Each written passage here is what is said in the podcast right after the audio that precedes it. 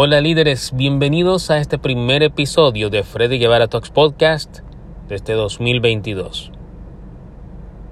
¿Cuál es el desafío más grande que van a tener los líderes y los gerentes en este año?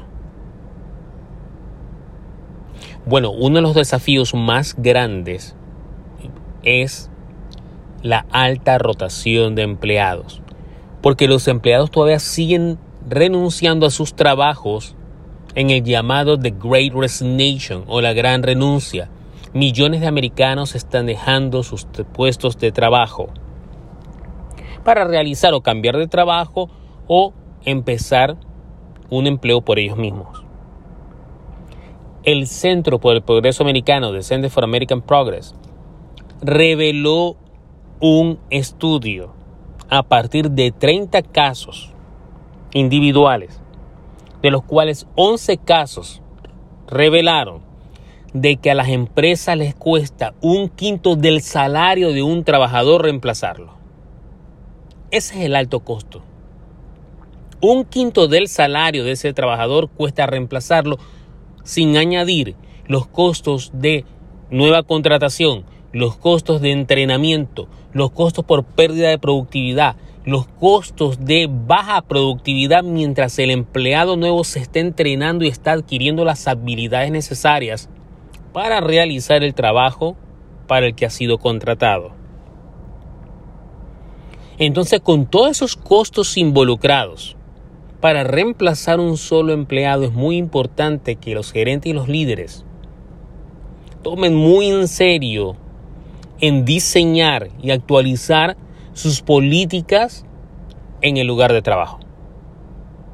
Tienen que aparecer mejores ideas en términos de políticas laborales para atraer y retener empleados, porque ese desafío es uno de los desafíos más grandes de este año para los líderes y gerentes.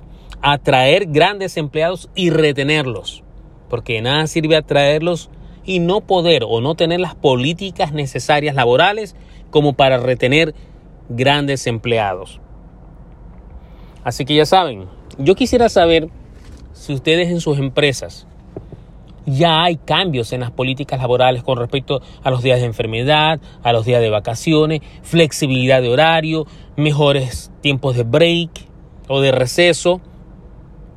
¿Qué, hay? ¿Qué hay en sus empresas? ¿Qué esos líderes y gerentes han empezado a hacer para flexibilizar, cambiar, actualizar, estar con los cambios sobre políticas laborales para retener grandes empleados? El costo laboral, el costo de oportunidad y los costos escondidos que hay detrás de cada pérdida de empleado y la contratación de uno nuevo son bastante grandes. Y yo creo que eso va a ser uno de los desafíos más grandes de los líderes en este 2022. Ellos tienen que tener mejores y más competitivas políticas laborales para poder atraer y retener buenos empleados. Déjame saber en tus comentarios qué tú estás viendo de algún cambio en tu empresa o tú como gerente, como líder, qué planeas hacer para evitar que esos costos golpeen tu organización a través de la gran renuncia. Hasta la próxima.